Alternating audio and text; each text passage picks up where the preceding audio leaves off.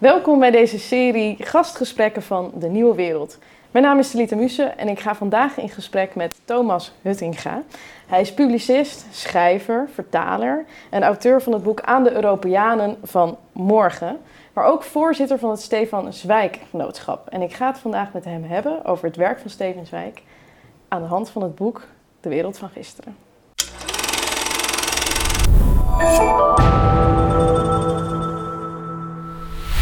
Welkom, Thomas. Dankjewel. Leuk dat ik er ben. Dankjewel Ja. voor de uitnodiging. Ja. Precies. Ehm, er is volgens mij een revival gaande in de aandacht voor Steven Zweig. Zo kwamen wij ook met elkaar in contact. Onder andere door hè, eh, het werk aan de Europeanen eh, vanmorgen.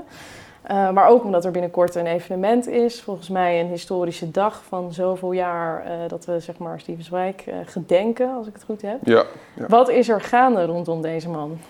Ja, dan moeten we misschien eerst beginnen wie, wie, wie Stefan Zweig was. ja. En dat is een, eh, een Oostenrijkse auteur. eh, die geboren is in 1881 in Wenen. En eh, nou, die is daar opgegroeid. Die heeft toen in Parijs gewoond. Die heeft in Berlijn gewoond. En die is toen een hele bekende schrijver geworden. Een van de meest bekende auteurs in de jaren 30 ter wereld. En toen heeft hij dus...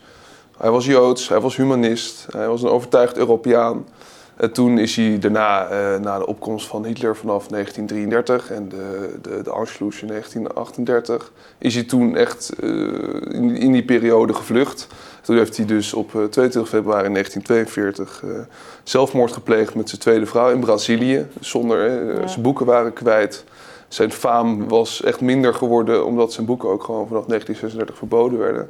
En ehm, ja, die, die actualiteit zit er helemaal in dat het niet alleen een schrijver was die goed verkocht. Want zijn boeken gingen toen al echt als warm broodje over de bank. Eh, en er waren andere schrijvers die konden er echt wel jaloers op zijn. Ja, dus in zijn tijd was hij ook al een populair Hij was. Zeker. En dan ging hij ook om met mensen als, eh, als Einstein. En hij ging om met mensen als James Joyce. En die kwamen allemaal bij hem thuis in eh, Salzburg. En noemden dat een Europees huis. Waar ze dan als een soort Europese Beetje elite... dit zit ik te- om me heen te kijken. Ja, een beetje als precies, dit ja. huis, waar allemaal mensen, denkers, mensen Ja. die in de actualiteit Ja. staan. eh, En dat waren allemaal eh, culturele boegbeelden die dan met elkaar in gesprek gingen en eh, elkaar inspireerden. En de wereld van gisteren, dus waar we het over gaan hebben, dat is zijn, zijn autobiografie. Een beetje zijn, eh, eh, zijn, zijn afscheidswerk ook. Hij heeft geschreven in de laatste jaren voordat hij zelfmoord pleegde in 1942. Hij is mee begonnen in 1939. Eh, en daarin uit hij ook een soort van visie op Europa, hoe het voor hem was om daarin te leven. En dat is ook een, een verhaal van nostalgie. Het is een verhaal van een ondergang van een continent met de Eerste Wereldoorlog en na de Tweede Wereldoorlog. ja. En dat spreekt heel erg aan, omdat dat mensen een soort van houvast kan bieden in onze tijd. Ja. Eh, dus om, om een beetje eh, het heden te begrijpen, zou je ook het, het verleden moeten begrijpen. Ja. En die ontwikkelingen die hij in dat boek dan schrijft, eh, dat, die die dat- zijn nu relevant. die zijn relevant. En Ja. dat zijn opkomst van nationalisme, rechtsextremisme. het- ook een beetje het autoritair gedachtegoed. Daar, daar herken je echt dingen als je, als je zijn werk leest. En eh, daarin zit echt die revival. Ja, en dat, dat Ja. merk je bijvoorbeeld ook na de Brexit-vote. Dat mensen zoiets hadden van, nou, voor het eerst stapt een land uit de EU. Hoe zit dit? En, en dan wordt de wereld van gelijk, gisteren eh, er weer bijgepakt. Ja. Ja. Wanneer kwam jij het voor het eerst tegen in jouw leven? Ja, dat was een, een aantal jaar geleden. Toen, eh, toen studeerde ik nog en toen kwam ik in een boekenwinkel eh, in Leiden. kwam ik het boek dus tegen, ook deze versie. Dat was volgens mij in 2016. En toen eh, er staat er ook op herinneringen van een Europeaan. En dat vond Ja. ik intrigerend. Ik dacht, hoe kan het dat iemand zo Europeaan is in een tijd dat er nog geen politiek Europa was? Ja. En toen ben ik het gaan lezen en toen wilde ik daar wel echt meer van weten hoe het kan dat iemand zo Europeaan was, maar ook zo Europees dacht in een tijd dat die bruggen naar die landen nog een beetje geslagen werden en er nog geen EU was. En Ja, toen vind- ben ik me meer in gaan verdiepen wie was hij. En toen stuitte ik dus op die lezingen. Herkende je ook een, een deel van jezelf, van je eigen idealen, zeg maar, in hem terug? Dat je denkt van, dat vind ik zelf altijd wel chockerend, maar ook het, het mooie aan lezen, dat je soms iets kan lezen inderdaad van iemand uit een totaal andere tijd. En dan lees je het en dan schrik je gewoon bijna over bepaalde gedachten, inderdaad, hoe actueel die zijn. Of dat je soms dat je denkt, oh, dit, heb ik, dit voel ik ook tot in de kern, Ja. nu zo. Terwijl we inderdaad in een, in een wereld, we zullen het ook zo over hebben, van wat voor wereld hij letterlijk kwam nog uit Ja. het Habsburgse Rijk, zeg maar, Ja. wat hij heeft zien vergaan. Dat je denkt van, hoe kan dat, dat er, dat er gewoon een connectie eh, zit in ons denken. En, eh, Ja, Ja. het mooie is dat eh, toen ik dus, dus dit boek las, dat ik toen ook daarna zelf op Erasmus-uitwisseling ging. Daar had je ook Franse vrienden om je heen, en Italianen en Zwitsers. En daar merkte ik ook hoe het is om Europeaan te Ja. worden. Ook een beetje zoals hij het beschrijft in een van de lezingen die ik dan heb vertaald. Daar stelt hij ook een Erasmus-uitwisseling voor. Dus toen is dat ook bij mijzelf meer gaan lezen. Ja. En in principe probeer ik elk jaar eigenlijk de wereld van gisteren te herlezen. En des te meer je het leest, zeg maar, des te meer je het begint te herkennen. Terwijl je in 2015 al dacht, of 2016 al, ah, dat is echt wel relevant. Maar wat je nu ziet, zeg maar, ook de periode nu na corona een beetje ingaan, hè, hopelijk, Ja. eh, merk je hoe, hoe actueel dat is. Eh, Ja. En dat is niet altijd hoopgevend, hoe, hoe mooi en overtuigd je, je, je, je Europese droom ook is natuurlijk. En dat voel ik zelf ook zeker, die, die idealen en die, die verbondenheid. En ja, dat, dat, dat is, daarin is Zweig ook speciaal. Echt Ja. een oer-Europeaan, kan je het noemen. Een oer-Europeaan. Ja, laten we proberen er even in te duiken ook. eh, misschien in het boek ook en hoe het is opgebouwd en wat misschien het centrale thema is, dat opkomend nationalisme. Ehm, een van de dingen die mij heel erg aansprak toen ik zelf het boek voor het eerst ontdekte, was ik ben zelf heel veel bezig met die generaties. En dat hij Mhm. eigenlijk als een soort verteller namens zijn generatie eigenlijk schetst hoe die generatie gevormd is door de tijd eh, waarin zij leven. En eigenlijk ook hoe de tijd, de omstandigheden zoveel druk op jouw individu zeg maar eh, kunnen leggen. Dat vind ik echt, eh, in die zin is het ook bijna een soort... Ja, hoe zou jij dit boek omschrijven? Het is autobiografisch, maar het is ook heel verhalend. Het leest Ja. soms als een soort roman. Soms weet je niet helemaal, zit er nog fictieve elementen in of verhalen die er... Hoe, eh, het is een tijdsdocument Ja, van een generatie. Hoe, hoe lees jij dit boek? Wat, Ja, ik denk, ik denk dat je daar helemaal gelijk hebt. Dus in het begin schrijft hij ook van... ik wil eigenlijk niet echt over mezelf schrijven. Dus, eh, dus om een beeld te geven... hij schrijft dit vanaf 1939, waar hij al gevlucht is. En hij woont al niet meer in Europa. En zijn boeken zijn al verboden. En heel veel vrienden van hem zijn overleden al. Eh Jozef Rood is al overleden het jaar daarvoor. En hij denkt, ik ga inderdaad mijn memoirs publiceren. En dat doet hij in een hele korte termijn. In ongeveer 100 dagen eh, werkt hij samen met allebei zijn vrouwen die er op dat moment ook zijn. Ja. En hij draagt het dan voor en zij typen het over. En ze krijgen ongeveer een soort burn-out met z'n drieën, omdat het zo heftig was. Ehm, en ja, daar is dus een beetje waar hij beschrijft hoe die- waar hij geboren is. Dus 1881, hij loopt zijn hele jeugd door. Hij loopt door tot en met de peri- periode Ja. tot de Eerste Wereldoorlog. Wat voor studietijd. eh, studietijd, ja, ja. maar ook wat voor invloed dat op hem heeft gehad. Dus je leest niet alleen van, eh, dit is de Eerste Wereldoorlog, dit is er gebeurd, maar je leest ook een beetje inderdaad de tijd aan de hand van hoe hij dat zelf heeft ervaren. Eh, de periode tussen de Eerste Wereldoorlog en de Tweede Wereldoorlog beschrijft hij ook helemaal. En dan de opkomst van Hitler. En dan, dan zit je echt al eh, in het einde van het boek. Ook omdat Ja. het voor hem op dat moment redelijk recent eigenlijk is. Eh, dus, dus daar zit een verschil in. Hij, hij- hij noemt heel veel namen, heel veel.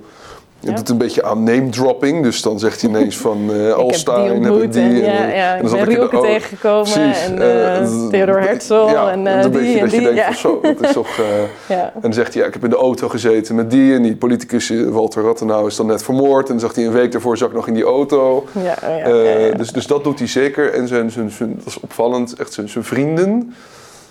Romain Roland noemt hij wel heel veel, omdat het echt een, eh, de, een Franse Nobelprijswinnaar is dat. Die ook echt overtuigd Europeaan was.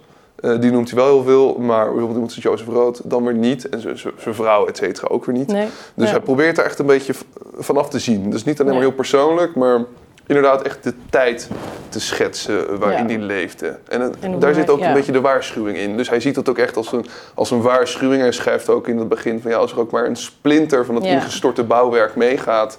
Een splinter van waarheid, eh, inderdaad, zegt hij. Als ik dat kan overgeven aan die volgende generatie. Dus het is inderdaad niet per se een soort van dagboek rondom zijn persona. Maar het is wel een soort van persoonlijke eh, beschouwing. Wat heb ik geleerd door de tijd heen van ehm, hoe, de, hoe, hoe de geschiedenis zich ontwikkelt eigenlijk om mij heen. Ja, Ja. zeker. Ehm, om misschien zeg maar, het een beetje ook nou ja, er een soort van doorheen te gaan lopen welke fases er zijn. Zitten er een soort van, jij schetste het volgens mij net ook al, van een beetje drie eh, momenten misschien wel, waarin zij, hij zelf schrijft van mijn wereld uh, stort in. Die Eerste Wereldoorlog, ehm, natuurlijk eh, eh, de Tweede Wereldoorlog. Misschien zou je nog ook de periode denk ik ertussen als heel erg belangrijk kunnen zien. En uiteindelijk ook zijn vlucht uit Europa. Is, is dat een beetje, ja. zijn dat de, de Zeker. momenten? Ja. Dus het boek heet De Wereld van Gisteren. En je zegt net zo drie momenten. Hij wilde, ze, eerst wilde je het boek eerst nog misschien nog drie levens. Dus drie levens noemen. Oh, omdat hij echt vond dat hij een soort van drie levens heeft gehad. Dat is inderdaad tot en met de Eerste Wereldoorlog, tot de opkomst van Hitler en de periode daarna waar hij eigenlijk gevlucht is. Ja. Uh, dus dus dat klopt zeker. Misschien, ja. misschien beginnend kort bij die eerste uh, periode. Uh, dat is dus echt die overgang van dat oude Habsburgse Rijk. Ja. Met echt nog letterlijk een keizer. En het hele leven wat hij eigenlijk beschrijft als een soort van heel gemoedelijke manier van, van, van leven. Wat voor het eerst instort. Wat, wat, ja hoe, hoe, hoe legt hij dat uit? Hoe omschrijft hij dat? Ja, het is, het is echt een, een multicultureel rijk waarin hij opgroeit. Wenen, de hoofdstad van uh, tientallen staten en staatjes en talen en grenzen die, uh, die, uh, die, die verenigd worden in dat opzicht. waar hij dan inderdaad opgroeit. En al die culturele invloeden neemt je ook echt mee en neemt je ook echt op. En, en, ehm, viert hij volgens mij ook heel erg, hè? Dat ja, als iets, dat, als iets, dat beïnvloedt hem en inspireert hem ook. En hij gaat ook naar het theater al van jongs af aan. En hij verzamelt al vanaf die 16 is, verzamelt hij uh, handschriften van, uh, van bijvoorbeeld mensen als Goethe en, en ook Beethoven. Is niet heel normaal. Voor dat doen niet uh, veel mensen inderdaad. Op hun zestiende. Ja, dus, dus dat zit er echt wel echt vroeg in, ook dat culturele. En dat kon daar ook in Wenen. Dat was natuurlijk ook echt een culturele hoofdstad. Kwam hij uit een rijk gezin? Was hij, uh... Ja, dat zou je wel kunnen zeggen. Dus uh, zijn broer Alfred die had het familiebedrijf overgenomen. Ze zaten in de kledingindustrie een beetje, in de textiel. En toen kon uh, broertje Stefan Zweig kon dus inderdaad gedichten schrijven en boeken schrijven. En dat deed hij ook echt van jongs af aan. Dan schreef hij gedichten, et cetera. Ja. Dus het was een, een, een, gezin uit de goede boerderij. En zijn moeder bijvoorbeeld, die was ook Italiaans. Dus ze spraken ook Italiaans thuis. Ze spraken Frans thuis. Meertalig. En dus meertalig. En later leerde hij ook nog Spaans en Portugees. Dus hij kende alle, alle Europese talen kende hij wel een beetje.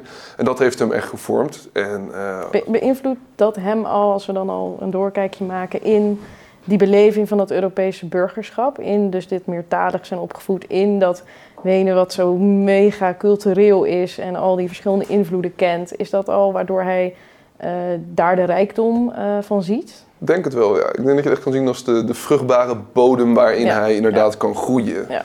En dat heeft hem ook echt later beïnvloed. Bijvoorbeeld uh, als hij dan naar Parijs gaat of als hij naar Berlijn gaat, waar hij dan ook heeft gewoond.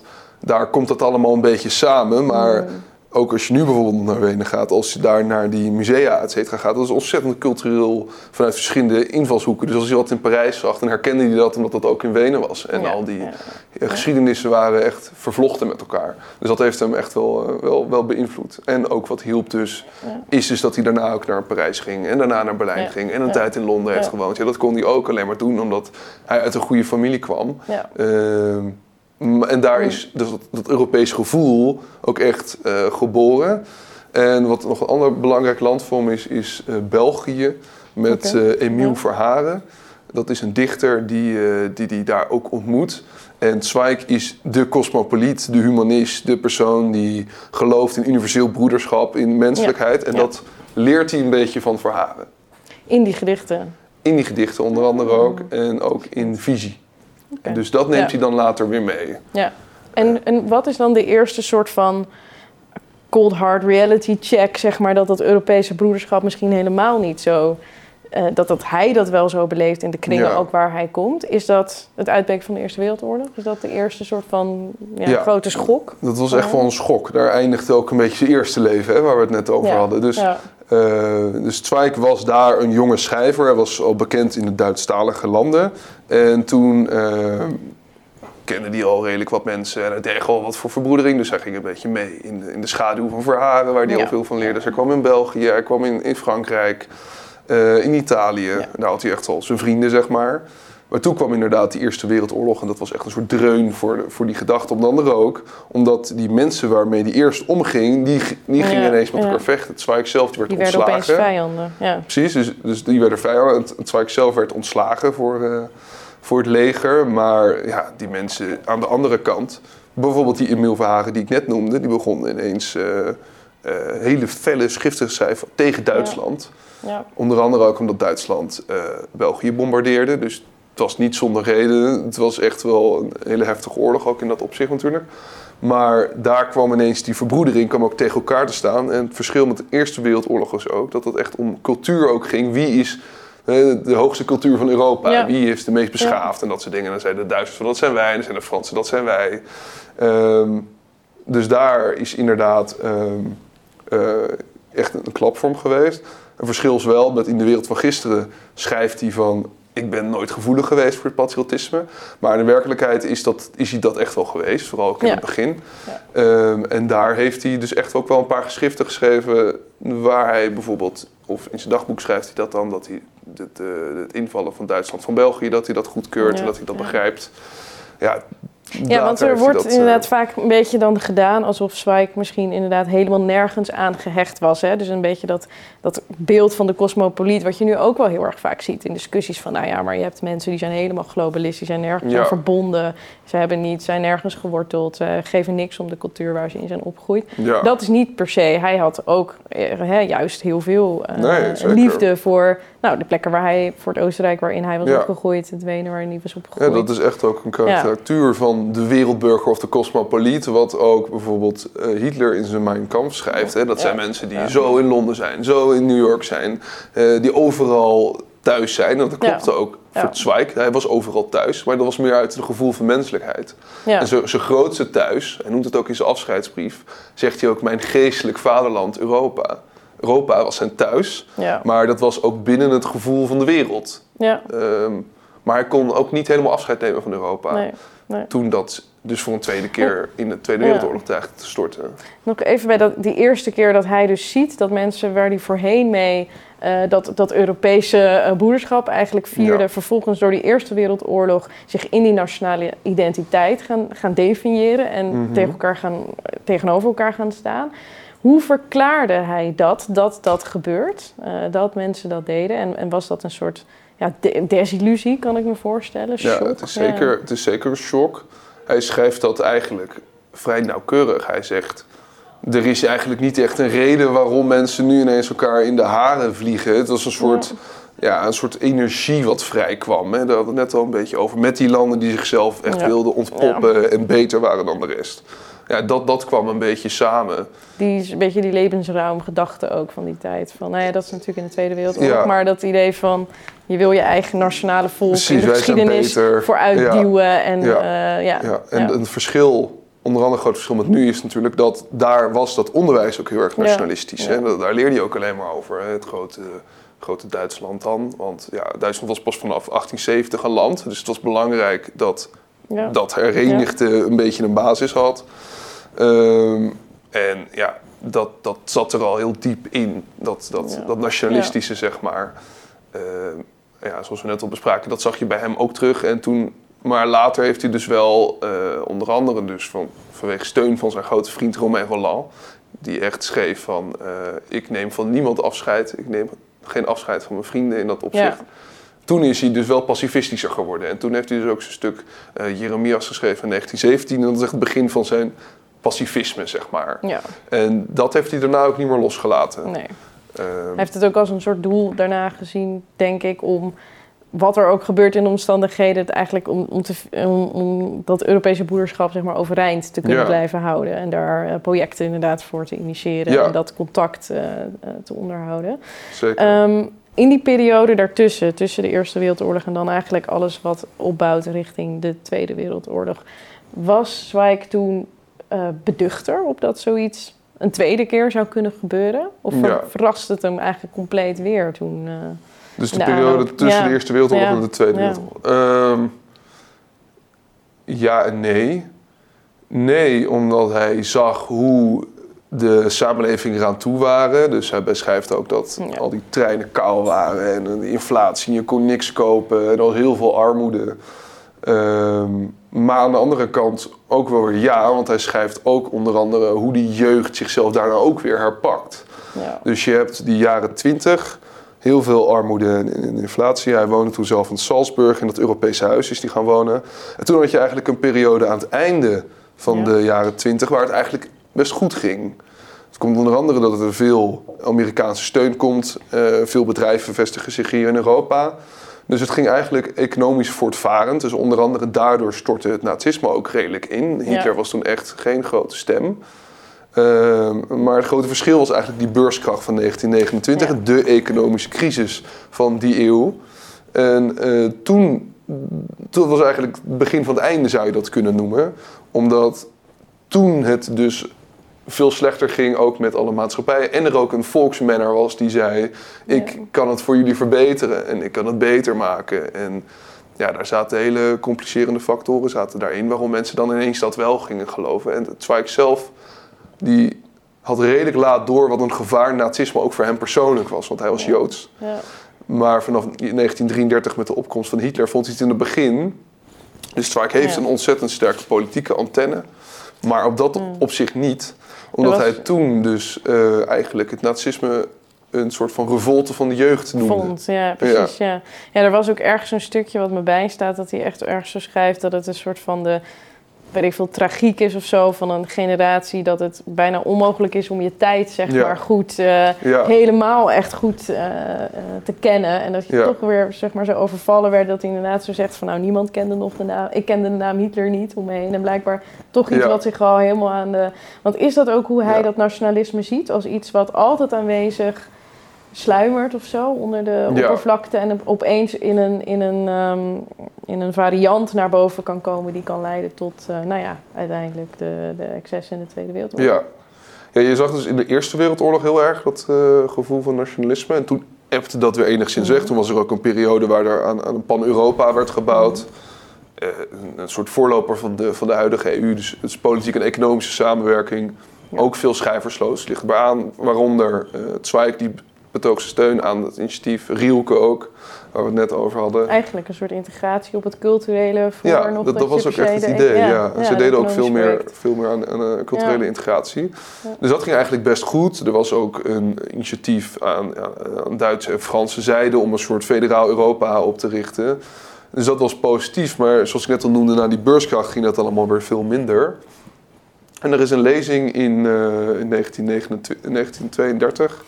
Eh, dat is eh, de Europese gedachte in de historische ontwikkeling. Die geeft hij in Florence. Ja. En daar noemt hij ook dat nationalisme als een beweging van eb en vloed. Het nationalisme en het supranationalisme, dus die beweging die ik net noemde van proberen over grenzen heen te kijken, zoals we dat eigenlijk nu al de afgelopen 70 jaar ook proberen te doen. Ja. Dus verbi- bruggen te slaan naar andere volken, naar andere landen. Dat idee van supranationalisme, wat weer gewoon afwisselt met nationalisme, Ja. met eb en vloed. En ja, daar is hij wel heel consequent in. En ja, dat zegt ook wat over de tijd waar we, waar we vandaag de dag natuurlijk in leven. Ja. Met al een periode Van lange tijd supranationalisme. Zeker. En Ja. dat dat allemaal een beetje in de sterren geschreven leek te staan. Een soort van rustige periode waar we allemaal rustig konden bouwen aan Europese integratie. En nu weer die geluiden die je al nou, wel enige tijd ziet van inderdaad, nee, eigen volk eerst, eigen land eerst. Ja, daar waarschuwt hij ook voor. En dat is die beweging van eb vloed, waar je nog steeds de, de klanken herkent van de wereld van gisteren voor Ja. vandaag de dag. Heeft hij een, een, per se een oordeel over het nationalisme aan zich? Is dat, vindt hij nationalisme slecht of is het meer Ja. echt dus die, nou ja, een, een soort logische spanning altijd tussen een plek willen hebben, een letterlijk een fysieke plek, een stuk aarde, een stuk grond, Ja. eh, daar je identiteit aan vast eh, he- eh, in, inleggen en Ja. een andere tendens die je ook hebt, namelijk om de wereld in te trekken en Ja. die blik naar buiten te hebben. Is, en is het voor hem ook verbonden of zo aan een soort menselijke aard of een menselijke natuur? Of hoe, hoe ziet Nou hij ja, hij is, hij is er vrij duidelijk in. Het is In de wereld van gisteren noemt hij het nationalisme echt de oerpest van de Europese cultuur. Ja, Dus als je dat ide- ideaal hebt van Europese verbroedering, hè, die volkeren die met elkaar samenleven, die veel meer gemeen hebben dan wat we denken. Hè. Dus het belangrijke noemt hij ook om de overeenkomsten te benadrukken met de verschillen. En daar, daar zit een Europees verhaal ook in met de Grieken, de Romeinen, de verlichting. Je ziet alle steden lijken enigszins op elkaar. Er is een gemeenschappelijke geschiedenis. Dat is het verhaal van de Europese gedachte, die verbindenis. En daartegenover zit hij het nationalisme. Maar dat is niet het, het nationalisme zoals we, het, het onschuldige nationalisme van we gaan weer het volkslied zingen voordat we uh, de dag Ja. beginnen op basisscholen. Nee, Ja. dit is al het nationalisme wat zegt van dit is ons land, dit, is de buitenland, dit zijn buitenlanders, deze personen horen er niet bij.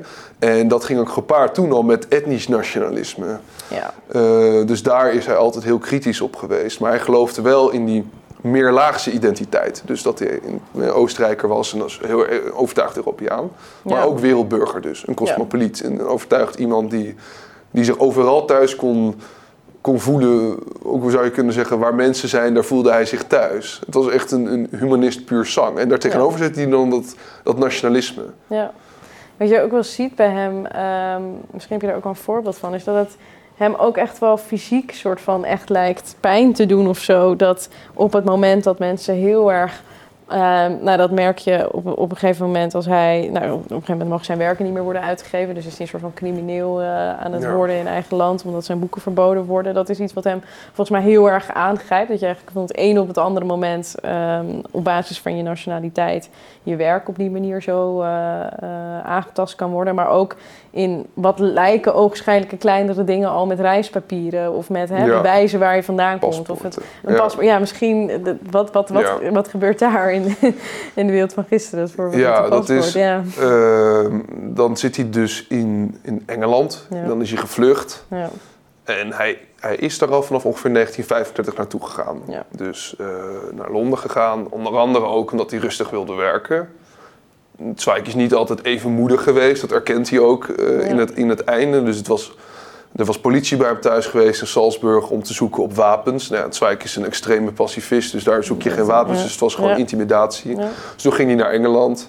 Ja, en daar kreeg je dus steeds meer dat, dat paspoorten, et cetera, een rol gingen spelen. En eh, toen kreeg je dus dat, dat zegt hij ook, dat ook een beetje het gevoel dat, ze, dat zijn menselijkheid verloor. Doordat hij dus eh, eh, een paspoort nodig had. En ook toen hij wilde trouwen met zijn tweede vrouw. Dat het toen ineens was van ja, sorry, dat gaan we toch niet doen. Want Duitsland eh, is nu een. is de vijand nu. Dus we gaan het even aankijken. En je spreekt. Duits. Dus ja. je- jij kan ook een vijand zijn. Dus dat is een beetje de, de periode waar hij toen Ja. in leefde. Daar zit volgens mij een soort scène in dat hij gaat trouwen, inderdaad, zijn trouwpapieren gaat ondertekenen. Ja. En dat dan bijna bij wijze van spreken ook, eh, volgens mij schijnt dat dan ook weer een beetje zo te zijn, aangedikt qua heftigheid. Maar in ieder geval Precies. dat bij wijze van spreken nog net niet eh, iemand binnenkomt en zegt van Ja. nou, hé, hey, wacht eens even, jullie mogen kunnen nu niet trouwen, want jij bent van Ja. die nationaliteit en jij bent van die Ja, nationaliteit. je bent dan de vijand. Ja, Ja, precies. En, maar hij lijkt daar heel erg mee, ehm, daar heel erg gefascineerd in te zijn. Van hoe kan het dat in één keer door een soort van, dat we door een politiek of doordat we ons mee laten slepen in die soort van meest, ja, je noemt het ook, eh, hè, eh, een soort van primitieve, anti-humanitaire gevoelens, in één keer zo'n onderscheid gaan maken eh, en zo die identiteit zeg maar, op dat nationale Ja. focussen, waardoor je in één keer een, een afstand, een vijandschap ten opzichte van de, van de ander creëert. Ja. Ja, daar is hij echt... Daar is hij heel erg op gefocust in, in welke kleine dingen je dat ook al kan zien Ja. ontstaan. Die ontmenselijking of dat de ander in alleen maar dat hokje van die nationaliteit drukken en daarmee die afstand Ja. tussen mensen creëren. Zonder die passen, Ja. et cetera, had hij niks. En dan beschrijft ook een scène waar Ja. inderdaad heel veel Joodse mensen, aan een intellectuele professoren, alle hoeken en gaten kwamen naartoe. Die wilden gewoon ergens naartoe vluchten. Maar dan moet je een, een visum nodig hebben. Eh, en, dat was toen in die jaren al heel normaal. Dus bijvoorbeeld iemand als Jozef Rood, zijn, zijn eh, goede vriend, die ook in Amsterdam eh, heel lang heeft verbleven om te schrijven, die moest af en toe ook gewoon terug Ja, naar iets van een België om een pas te regelen. Dat was niet, ik ga hier even zitten schrijven en het was allemaal goed. Eigenlijk een beetje zoals we het nu kennen. Ja. Nee, die moest echt terug naar de ambassade om, om, om een pas te Om weer aan regelen. te tonen. dat- Ja. precies. En anders, Dan, dan, ja, dan kon je zo opgepakt worden. En nou, met alle gevolgen van dien. Ja. Ja. Ehm, in welk eh jaartal pleegde hij uiteindelijk zelfmoord? In eh, 1942. Ja, precies. Wat mij daar ook eh, vaak, ik dacht dat het 43 was, ik zei maar 42 is eigenlijk nog eerder. Wat mij daar heel erg in Ehm, ik vind het sowieso heel erg... Het is wel chockerend als je dat leest richting het einde van het boek. Want dan je weet al de conclusie, maar dan, hè, dan, dan lees je zo hoe, hij, hoe, zijn, hoe zijn denken zich op dat moment eigenlijk nog uh, ontwikkelt. Mhm. Dat hij eigenlijk daar al in 42, waarvan je zou kunnen zeggen dat is toch nog vrij aan het begin. Dan heb je nog niet eens de allerergste berichten over uh, Auschwitz en uh, Ja. de, hè, de, het diepte, diepte, dieptepunt wat, Ja, wat daar ja. is bereikt. eh, wat je echt meer in 43, 44, 45 naar boven ziet komen, zelfs daarna nog. Ehm, en daar trekt hij dan toch al een soort van, ziet hij niet... eh, is, het, is dat dat hij dan echt gewoon niet meer ziet hoe de wereld nog terug zou kunnen komen daarna Ja. in dat Europese broederschap? Dat, hij echt, Zeker, dat, kan ja. niet, dat kan niet meer hersteld worden? Dus dat we we hadden net over de, de, de inslag van de Eerste Wereldoorlog. Ja. Dat was echt al een grote klap. En toen in de jaren 30 schreef hij ook aan zijn eh, goede vriend Romain Roland... schreef hij ook van ja, in de Tweede Wereldoorlog ga ik niet overleven. Hmm. Omdat die klap gewoon te groot is. En daar speelde ook bij, dus hun vriendin had astma... dus ze gingen toen naar. Brazilië. En in Brazilië woonden ze redelijk afgelegen. Eh, daar waren ze boeken niet, daar waren ze vrienden niet. Hij zag ze in Europa teloor gaan. Eh, ik beschrijf dat ook in, aan de Europeanen van vandaag en morgen... dat hij nog carnaval viert... en dan daar het bericht binnenkrijgt dat Singapore gevallen is... en dat ze misschien nog de Duitsers door willen stoten naar Libië... Ja. Ja, dan, dan kan je zo naar Brazilië doortrekken. En toen Ja. hebben ze eigenlijk Ja. besloten om zelfmoord te plegen. En dat was dus nog op het moment waarin het zelfs nog leek dat eh, de wereld het zou gaan verliezen van het Ja. nazisme. Ja. En, en gelukkig is het daarna natuurlijk niet gegaan. En bijvoorbeeld iemand zoals Thomas Mann, die schreef nog toen Zweig was overleden... van ja, dat was echt iemand waarvan je hoopt dat hij nog had kunnen bijdragen aan de wereld na de Tweede Wereldoorlog. Maar dat Ja, heeft hij niet is kunnen doen. opmerkelijk, want in die zin, hij zat op dat moment, was hij natuurlijk al eh, gevlucht. Misschien eerst via Amerika, denk ik. Of Ja, precies, precies. Eerst ja. via Amerika, toen er, ja, ja. precies, toen Zuid-Amerika. Dus zelf was hij op dat moment buiten eh, levensgevaar. Ehm, Ja. En dan trek je wel die, die conclusie eigenlijk over hè, dit, dat... eh, dit, is, dit, dit is inderdaad eh, eh, Ja. wat de, volgens mij noemt hij het ook, nou ja, inderdaad de barbarij, gewoon letterlijk de morele terugval van, van een hele generatie. Dat is, dat is eigenlijk Ja. niet meer te, Ja, te verkoppen. zeker. Ja. Hij zegt ook ehm, ergens van deze generatie, ik ben wel benieuwd of, of jij ook dat vindt dat het zo is, dat deze generatie meer heeft meegemaakt dan de tien generaties daarvoor. Dat vind ik zelf vanuit generatie oogpunt ook wel interessant. Want hij zegt van ja, tien generaties daarvoor was het leven gewoon heel erg hetzelfde. Eh, en in mijn generatie hebben wij ehm, een, een, een, een, unieke geschiedenis meegemaakt met die oorlogen, met ook de technologische ontwikkeling in Ja. de tijd, met die periode tussen Eerste en Tweede Wereldoorlog. Is, is, is dat zo? Is dit een, een unieke generatie? Nou, het is denk ik wel een generatie die echt. eh, waar de tragiek in zit dat ze zo werden gestuurd door wat je de geschiedenis zou kunnen noemen. Ja. Dus eh, de geschiedenis die ineens bij je in de deur valt, eh, met, met de deur in huis valt.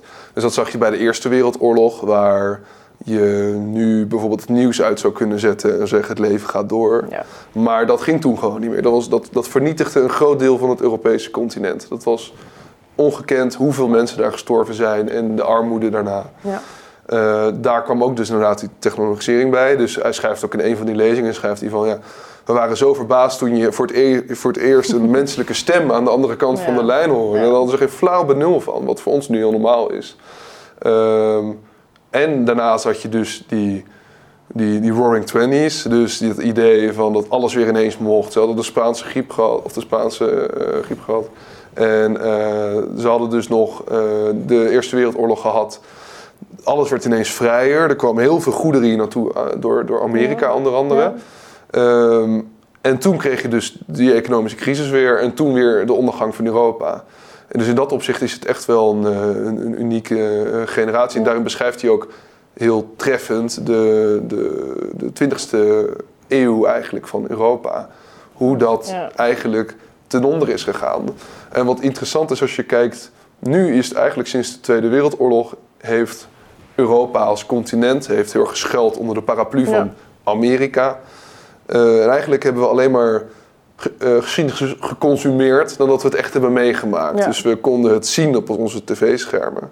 Maar we hoefden het zelf niet echt te beleven, zeg maar. En wat je nu met corona ziet, is dat dat ineens heel anders is. En dat het ineens onze, ons dagelijkse leven ineens heel erg beïnvloedt. En dat je ineens dan een avondklok hebt of niet naar buiten kan. Zou je dat zo zeggen? Dat de generatie inderdaad tussen Tweede Wereldoorlog en nu dan, min, zoals in zijn woorden, minder geschiedenis heeft meegemaakt? En dat we nu weer dan meer geschiedenis nu aan het, aan het meemaken zijn? Door dit soort grote inderdaad, collectieve gebeurtenissen als een, Ja, een pandemie? ja ik denk, die, die, dat stukje geschiedenis begon al in 2008 met, met onze economische crisis die we dan hebben gehad.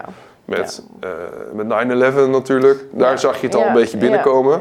maar je kon altijd de tv uitzetten.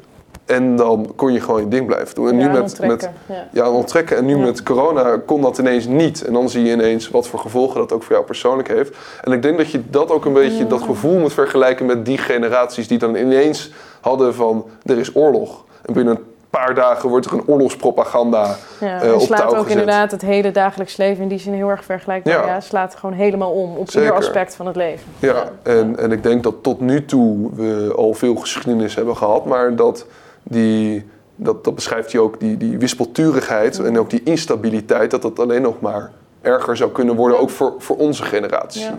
En ik denk dat daar ook een, een link zit met de wereld van gisteren, dat hij echt zegt van nou, hoe hadden we zo kunnen denken dat er nog zoveel barbaarse dingen zouden kunnen gebeuren, hè? met die technologie, met die verbondenheid en hoe die kon reizen en hoe die de wereld zag.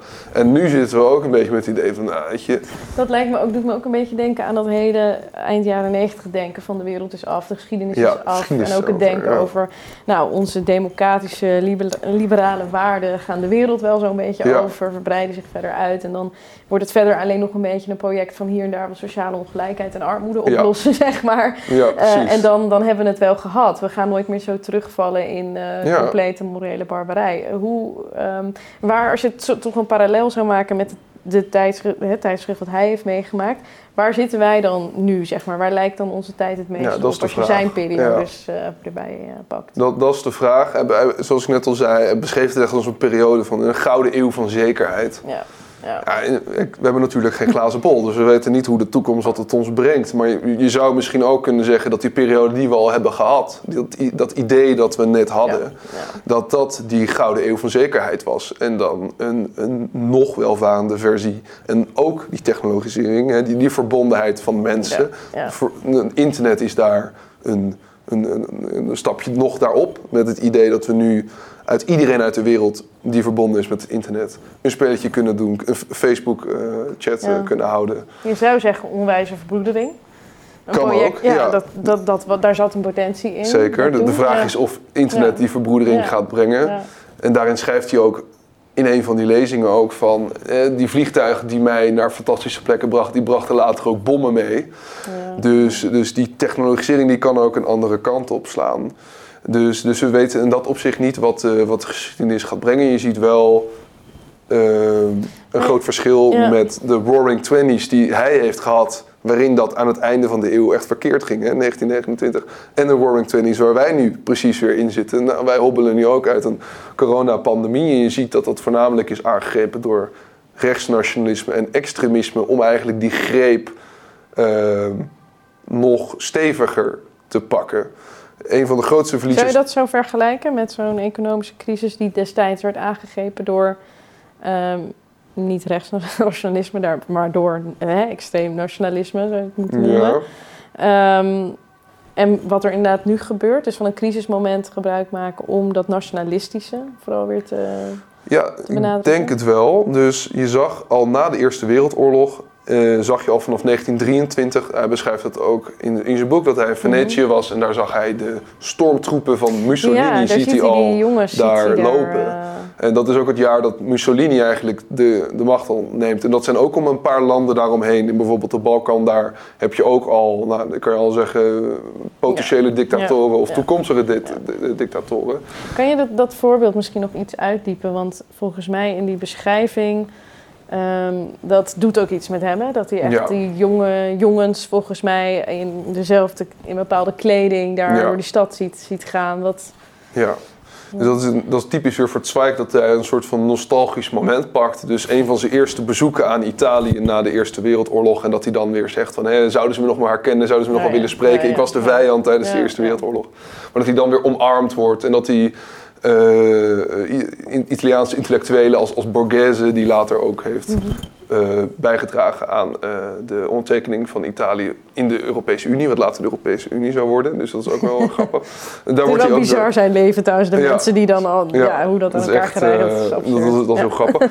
Maar daar komt hij dus weer op een moment waar eigenlijk die, die, die zonneschijn, die hij beschrijft, zo eigenlijk weer bedekt wordt met die donkere wolken. En dat is dus als hij op het San Marco-plein is en daar ziet hij hoe, hoe de groepen jongeren in pakken uh, eigenlijk dat plein oplopen, iets schreeuwen, iets over fascisme.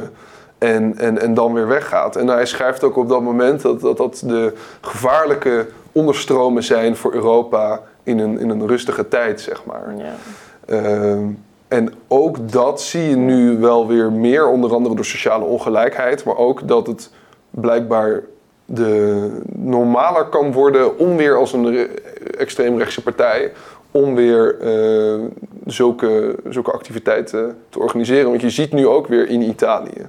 Dat zijn die, die gevaarlijke onderstromen. en die zie je in Italië en in Griekenland. En hier in Nederland trouwens ook hoor. Waar je uh, weer die, die gedachten ziet van die, die uniformen en dat soort dingen. En ik moest daar ja, want wat is die, die gevaarlijke kant? Want we hadden eerder dat onderscheid. Hè? Dus het is niet dat nationalisme aan zich, maar deze specifieke kant. Ja. Die jongens in die uniformen die daar over dat pijn lopen. Dat is een soort van uh, teken van die gevaarlijke onderstroom. Ja. Wat doen zij? Wat, wat, wat, waar staan zij voor? Wat, wat, ja, wat doen zij eigenlijk ja. letterlijk? Wat dat zo uh, ja, oproepen tot geweld en ook het afzweren van de democratie. Dus, uh, dus dat, dat is een groot verschil met ons tijd. Het is nu niet populair om te zeggen dat je eigenlijk geen democraat bent. Nee. Want dan denken mensen, oh, daar hebben we niet zulke goede eh, ervaringen mee in de geschiedenis. Maar dat betekent niet dat je aan zich een democraat bent als je zegt dat je het bent. Ja. Kun je dat vorige, uitleggen? Nou, in de vorige eeuw werd er gezegd van uh, democratie is, is niet een goed, goed model. Het is zwak. Compromissen. Hier is de doetje en die vertelt je wat je gaat doen. Ja. En hier in Nederland uh, heb je ook voorbeelden waar je dus kan zeggen dat je democraat bent, maar die illiberale krachten die je bijvoorbeeld ook bij iemand als een Orbán ziet, of bij een Poetin die zijn leven lang daar kan blijven zitten als hij dat wil, die dat eigenlijk ook wel heel mooi vinden. Ja. Is, dat, is dat het verschil tussen het hebben van een hele enge definitie uh, van democratie en ruime definitie? Ik zeg, nou, misschien dat iemand wel zegt van nou, ik vind het op zich wel prima dat er algemene verkiezingen zijn, dat er algemeen stemrecht is, dus dat proces, nou ja, prima. Maar eigenlijk uh, verder de, de hele waarde van de democratie en alles wat daar omheen hangt. Uh, wat natuurlijk zoveel meer is dan het feit dat je toevallig algemeen uh, stemrecht in je land nog gedoogt. Zeg maar. Democratie als je uitkomt. Als, ja, democratie ja. als meer ja, ja, gewoon een ruimer begrip van, van dem democraat moeten... zijn. Wat betekent dat? Wat, wat betekent dat misschien ook voor Zwijk? Nou ja, kijk, uh, dat betekent zeg maar dat je zegt: ik vind het fijn als mensen kunnen stemmen, maar als iemand anders wint, dan vind ik het niet leuk. En dat is wat je bijvoorbeeld bij Trump zag ja. vorig jaar met bestorming van Capitol. Die kon zich er niet bij neerleggen dat hij mogelijk zou verliezen. En dan zie je zeg maar dat, dat is dus niet de geest van een democraat nee, in die zin. Nee, een democraat, Dat, die zegt inderdaad van, uh, nou gefeliciteerd, je hebt gewonnen. Maar dit is iemand die dacht, ik moet winnen, kost wat het kost. Ook al verbrijzel je alle instituten die dat moeten beschermen.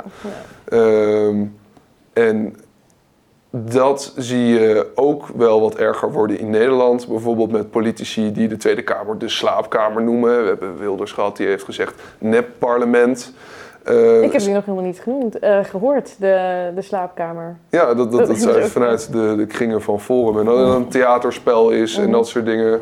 En dan zeggen ja, ze dus niet van, ja, uh, ik wil dat parlement niet hebben. Maar het is wel afdoen aan de legitimiteit van het parlement. En waar we het net over hadden met die, die knokploegen die in Venetië voorbij zag komen. Je zag ook, en daarom denk ik ook dat corona erin een, een katalysator is geweest van die krachten of die ontwikkelingen die al bezig waren met ja, ja. nationalisme. Dat zij dat moment aangrepen om eigenlijk daarbij ook een soort van nieuwe, uh, nieuwe maatschappij te willen vormen.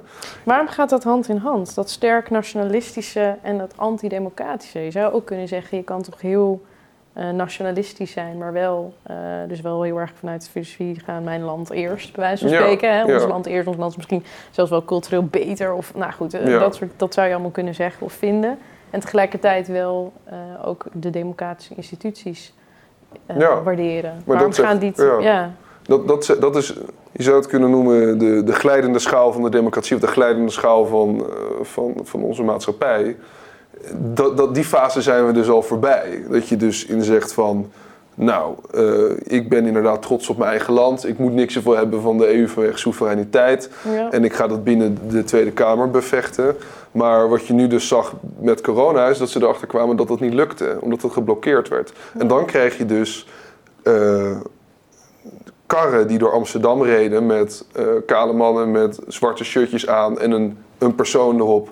Die dan ging roepen dat de, de, de staat de vijand is. Ja. En dan, dan krijg ik wel ook wel een beetje rillingen van die gevaarlijke onderstromen. eh, die je dan zeg maar in, in de wereld van gisteren leest. En dan zijn we nu pas eigenlijk pas net begonnen in die Roaring Twenties. Wordt het het beroepen op het, ehm, dat fysieke? Als je dan toch weer ook bij Zwijk eh, inderdaad dat voorbeeld van die, van die jongens die door de straten gaan lopen. ehm, het, en ook eerder inderdaad die, die theorieën over die, ehm, nou, die, die energie die soort van los moet gaan eh, komen vanuit Mhm. een bepaalde volk om zichzelf te willen manifesteren. Is dat ook een soort van iets wat je nu herkent? Een soort van die, die fysieke eh, eh, geldingsdrang om... Ja, wel mannelijkheid. ja, soort mannelijkheid. Inderdaad, ja. een het beroepen weer op wat is de mannelijkheid. Hoe Ja. moet toch echt man kunnen zijn? Is dat, hang, hangt dat daarmee samen? Is dat, Ja, nou ja, ik dat denk een dat soort dat wel... fysieke energie opgewekt moet worden? Ja, Ja, precies. En ehm, ook daarin nostalgie naar weer de oude tijd, zeg maar. Met, met dat mannelijke Met dat- en ja. die, die, eigenlijk die vrijheid die Zweig eh, beschrijft. Hè. Hij noemt dat de jeugd die Ja. de vrijheid heeft gehad om, om, om voor liefde en om te leven. Om, om die vrijheid weer een beetje in te perken en weer eigenlijk terug te gaan naar de, de sterke man en, en, en de vrouw eh, die, die het huishouden doet, et cetera Ja. ja, dat is wel iets wat je, wat je terug ziet komen.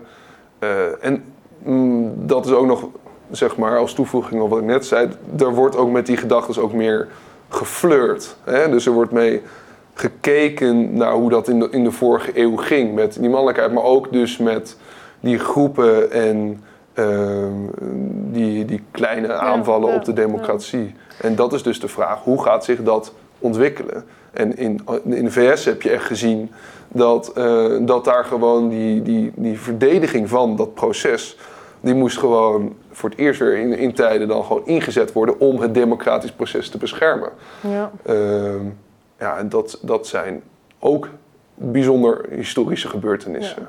Kan je het je voorstellen? Kan je het, eh, dat dit, als je gewoon, je, hebt, je kent Zwijk door en door, dat je dan, kan je het voorstellen dat je ook een onderdeel wordt van zo'n generatie die ook zo'n moreel verval gaat meemaken? Ja, ik denk een van de lessen die, die ik uit het boek haal is... eh, het is niet vanzelfsprekend hoe je leeft. Dus ik zie mezelf ook echt als iemand oh, van de Erasmus-generatie. Van inderdaad die verbroedering. Van iemand die mensen uit andere landen heeft leren kennen. Die ook gelukkig veel andere landen heeft kunnen zien in Europa Ja. ook. En Ja. heeft kunnen, kunnen bezoeken. En dat moet je niet als vanzelfsprekendheid zien. Want dan krijg je dus later van hoe konden we denken dat dit voor altijd Ja. in de sterren geschreven zou staan. Dat je zou kunnen reizen gratis eh, of, of zonder paspoort eh, met een gemeenschappelijke munt. En daarnaast ook is een andere les. ehm Zweig die heeft zichzelf redelijk laat uitgesproken tegen het nazisme. Ja. Eh, echt in de jaren dertig. En hij was Joods. En hij had er eigenlijk ook helemaal niet zoveel zin in, want hij, wil- hij wilde schrijven. Hij schreef boeken als Erasmus over Castellio, die zich ook uitspraken op hun eigen manier door de middel van de pen. ja. Ehm, en hij wilde tot heel laat wilde hij niet zich uitspreken tegen het nazisme. En, ehm, Had hij er spijt van? Heeft hij dat zo hij heeft ergens later, gedaan? op, op een later moment heeft hij dat wel gedaan. Dus hij Hmm. heeft in 1935 zei hij nog van, nou, ik, ik spreek me niet uit over Duitsland. Terwijl hij dus moest vluchten omdat hij Joods was en humanistische boeken werden verbrand, alles op en aan. Maar later in 1941 heeft hij zich wel uitgesproken in een Ja. speech in New York. Ehm, en dan zei hij ook, en bood hij zijn excuses aan namens de Duitsers. Een beetje het idee zoals Thomas Mann had, hè, van de, de goede kant van, van, van de Duitse beschaving. En ehm, ja, daar heeft hij dus wel echt willen, willen laten zien van...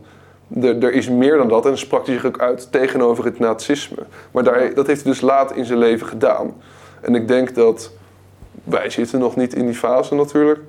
Maar dat uitspreken Nou ja, dat tegen is dus onder natuurlijk andere... altijd de vraag. Omdat je dan wel, omdat het dus zo'n opbouwend iets is. Ja, Hè? Dus dat het iets is wat zich zo langzaam ontwikkelt. Ja. Dus je kan je ook zeggen, misschien moet je al vanaf ieder begin... ja. Als je heel erg staat voor dat democratische, dan bij alles wat Ja. riekt naar een, in iets heel erg ondemocratisch. Als je het gelooft hè, dat dat Ja, niet goed is. En zeker. misschien ook mensen die Ja. wel toch wel n- gewoon anti-democraat zijn. Dat zou kunnen. Ja, Ehm, dat je daar inderdaad dat je tegen daar- uitspreekt. ja. Of, en daarom vind ik het ook zo belangrijk om die, bijvoorbeeld die teksten die ik toen las. dat Ik dacht van, nou, daar Ja. zit echt een mooie boodschap in. Het is niet met Zweig alleen van lang leven Europees broederschap en alle mensen werden broeder. En die gedachten, Nee, die, nee. die gelooft hij ook. Maar er zit ook een hele erge waarschuwing in tegen het nationalisme. En dat stukje nationalisme zie je nu ook weer opkomen. En ik denk dat dat ook wel goed is om mensen voor te kunnen waarschuwen van pas op, die, die gedachte van eigen land eerst.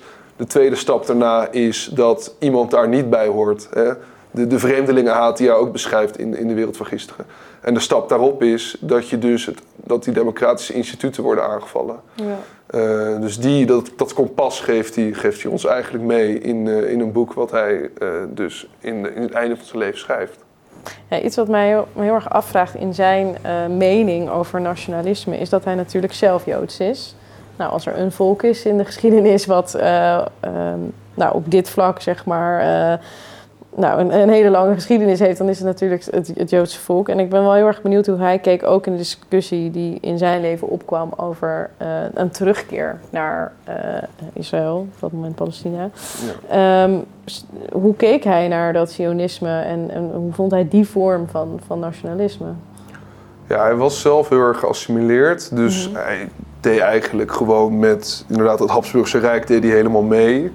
Ehm, hij kende toen ook Theodor Herzl, dus een van de Ja. founding fathers van Israël, zou je hem kunnen noemen.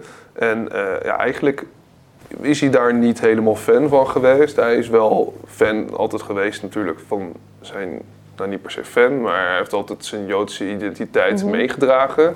Maar eh, hij was redelijk kritisch op het sionisme. Hij zag dat echt meer, een beetje, dat zegt ook wat hoe Zweig naar de mensheid kijkt of naar de mens kijkt, is dat iedereen deel uitmaakt van de mensheid. Ieder Ja. individu, eh, ieder geweten haast. En dat het Jodendom daar ook een plek in inneemt. Ja, Maar wel dus binnen het grote geheel van de mensheid.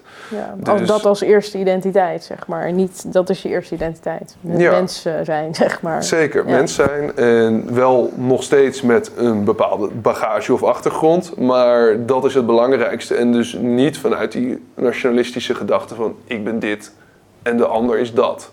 Dus Ja. daar, daarin zit ook een beetje dat, Maar hij steunde dus niet per se die claim van ehm, die Joden dus in die tijd ontwikkelden van dat is, wij hebben daar recht op, eh, dat is een plek waar we naar terug moeten. Dat is dus iets wat hij, een project dat hij niet verder ook zou hebben gesteund daarna. Ja, dat is natuurlijk speculeren, Oef, ja, maar dat, speculeren. ja, Eh, ten- toen hij leefde in principe niet. Misschien ook omdat hij er vertrouwen in had dat dat goed kon gaan binnen de ja maatschappij. want dat, precies. Maar ja, het is natuurlijk... Heel erg de vraag was die daarna met de verschrikkingen van Ja. de Tweede Wereldoorlog en het Joodse volk, wat daar natuurlijk het grootste leidend voor in Misschien wordt. dacht hij dan wel dan van, eh, ja, had, dat, dat weten we niet. Maar bijvoorbeeld in Jeruzalem ligt er nu wel heel veel van zijn werk, heel veel manuscripten, et cetera. Mm. Ehm, eh, dus, dus dat speelt daarin wel een grote rol. Maar Ja, of hij, ja. ja, ik denk dat hij met dat menselijk oog wat hij had, dat hij er ook wel kritisch had kunnen zijn over de plek in de wereld. Ja. Nee, de reden dat ik het opbreng is omdat het, ik ben eh, heel, helemaal lyrisch van Zwijk. Mhm. Kijkers ook best, eh, best weten. Maar natuurlijk een kritiekpunt wat ook wel eens is opgekomen... wat ik bijvoorbeeld las bij Hannah Arendt ook... is dat zij inhoudelijk dan echt zei van... ja, dat is leuk, dat lidmaatschap aan, het, aan de mensheid... Ja, ja. Maar de mensheid kan, had inderdaad niet ehm, in, in allerlei mensenrechten verdragen. En op het niveau van dat supranationale ehm, konden we niet eh, de Joden beschermen. Hè? Dan is het een beetje een heen en weer eh, gestuur van, van naar alle kanten op. En is het toch wel fijn dat je een nationale staat hebt die enigszins samenvalt dus met een, toch een volk. Wat dan toch vaak dus dan een ja, etnisch is of een Ja. taalgroep of wat dan ook. Eh, dat is toch de vorm die we het beste kennen in staat om, om mensen te beschermen. ja. Eh, is een kritiek Ja. op dat, op Ja, dat denken in alleen maar dat supranationale. Ja. Hannah Arendt was ook heel, Ja. heel kritisch natuurlijk op Zweig. ja. En eh, zij is ook heel kritisch op bijvoorbeeld de wereld van gisteren, hoe dat beschreven wordt van eh, een beetje dat, dat zoete, wat hij, hoe hij terugkijkt op, op Wenen. Dat hij zegt, iedereen hield van cultuur, iedereen kwam er toen. Dat is natuurlijk niet het geval. Er zit ook een hele grote laag die, die of dat geld niet had of, of een andere reden. Ehm, ik denk niet dat Zweig per se tegen de nazistaat geweest zou zijn. Ik denk dat dat, ja, hij maakte zelf ook deel van het Habsburgse Rijk. ja. Ik denk dat hij dat als basis gezien zou hebben, maar dat dat geen belemmering zou moeten zijn om je ergens anders thuis te voelen. En daar, daar hadden we het net ook al een beetje over met die eh, paspoorten, maar ook de vele visa, verblijfsvergunningen en, en dat soort dingen. Ja. Ik denk dat hij zich wel ergens nestelt en ergens thuis voelt, maar dat, dat, dat je dat moet zien binnen het grotere plaatje van dan het continent Europa, dat hem heeft gevormd en later ook eh, zijn liefde voor de mensheid. Ja. Ja, precies. En dat dat nationalisme je niet natuurlijk hoeft te beperken. Dus op een gezonde manier voel je daarin nog steeds ook eh, inderdaad eh, humaniteit naar de ander, ook al heeft hij een andere nationaliteit. Dus dat is wel dan een principe wat daarboven blijft hangen. Dus tot op Ja. een bepaalde hoogte kan je lekker nationalistisch zitten doen, zeg maar. Ja. Eh, of concurreren of je, nou, je eigen beleid en je eigen dingen hebben. Maar er is een soort wel basis humaniteit die niet verloren kan gaan door, dat, door die nationaliteit. En, en zijn Ja. ervaringen met nationalisme waren natuurlijk ook wel heel slecht. Onder andere dus vanwege die Eerste Wereldoorlog, waar het ineens was van nou, wij zijn nu een trotsvolk 1, dit is trotsvolk 2. Ja. En toen keek ze naar elkaar en toen dachten ze, nou wij zijn toch wel veel beter dan de Ja. ander. En dan gaat dat menselijke van ik kijk naar de ander als een, als een mens, eh, dat gaat er al heel snel vanaf. En dat, dat was dat ook is voor hem echt een kernding. ja, hè? dat, was ook, en ook ja. de basis van een van zijn vriendschappen met, eh, een van de belangrijke vriendschappen met Romain Rolland, die ik dus eerder noemde. Een van zijn eerste eh, brieven die ze naar elkaar stuurden, ze schreven elkaar in het Frans dan. Toen schreef eh, Romain Rolland ook naar het Zweig van Vous êtes profondément humain. Dus u bent een Ja. waar mens. En daarom hadden zij zo'n goede relatie, omdat zij dus vanuit de mens keken als echte humanisten. Eh, hadden zij zo'n bijzondere relatie. Ja. En zo keek hij ook naar zijn eigen positie en van anderen. ja, en eigenlijk ook nu je dat zo zegt, naar al die verschillende mensen die in het boek de revue zeg maar passeren. Nu je dat zo zegt, dan zie je gewoon in zijn beschrijvingen, ook van een Rielke, maar ook dus bijvoorbeeld van zo'n Herzl, met Ja. wie die dus echt van mening verschilt over dat Joodse vraagstuk, dat hij dan inderdaad bij die begrafenis eh, zo beschrijft hoe hij ehm, eh, echt met een liefdevolle beschrijving van hoe die man zoveel mensen heeft geïnspireerd en eh, heeft geraakt. En dat hij dus daar, dus daar zit iets, ehm, ja, hoe moet je dat nou zeggen? Er zit altijd een soort begrip in. Dus ook Ja. al is het iemand die aan een, al- ook eh, schrijft hij op een gegeven moment over iemand die. ehm, nou ja, volgens mij zelfs eh, een beetje onderdeel wordt van de nazi-ideologie, die hij ook eh, heeft eh, leren kennen, maar Ja. met zijn ideeën intellectueel, ja, daar Ja. Maar dan toch schrijft hij vanuit een soort menselijk begrip voor hoe die persoon zich beweegt en wat diegene doet. Ja, Dat zeker. is heel boeiend. En, zo, zo blikt hij ook terug, een, beetje aan het einde van zijn leven, dat daar ook een beetje zachtmoedigheid in zit natuurlijk. En dat is ook zeker zo met Zweig. Het was een, een pacifist en, en, en iemand die echt niet in wapens geloofde, maar inderdaad in de, de goedheid van, van de mens. Ja. En, eh, en ook het feit, en daarin denkt hij heel universeel, dat elk mens deel uitmaakt van het grotere geheel. En eh, in die gedachte van elk mens heeft dan rechten, et cetera, et cetera. Ja, dat is Ja. ook een, een gedachte die nu ook steeds meer tanende lijkt natuurlijk. Ja.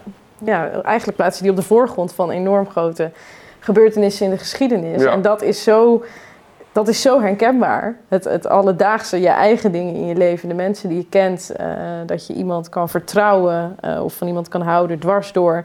ehm, dat de politiek eh, besluit dat dat inderdaad opeens iemand is uit een ander vakje of een ander Zeker, hokje van. ja. en dat is, dat is inderdaad, in die zin is het een heel humanistisch document. Dat je dat altijd op de voorgrond blijft plaatsen. Ja, Ongeacht de, de grote ja, de geschiedenis die zeg maar ook door je leven heen trekt. Dat, dat vind ik heel, ja, ik, ja, heel, heel bijzonder. Ja, en eigenlijk om, geloof eh, inderdaad ook echt dat je los van religie, achtergrond, afkomst, taal, Ja. dat je als mensen bij elkaar zou kunnen, Precies. kunnen. En dat noemt hij ook het mooiste verhaal van de mensheid. Dus dat is iets waar, waar hij Ja. tot in zijn laatste dagen het in heeft blijft dromen. Ja, Maar waar hij echt in gelooft en, en heeft doorgegeven. Dus eh, ja mooi. mooi. Dankjewel. Dankjewel.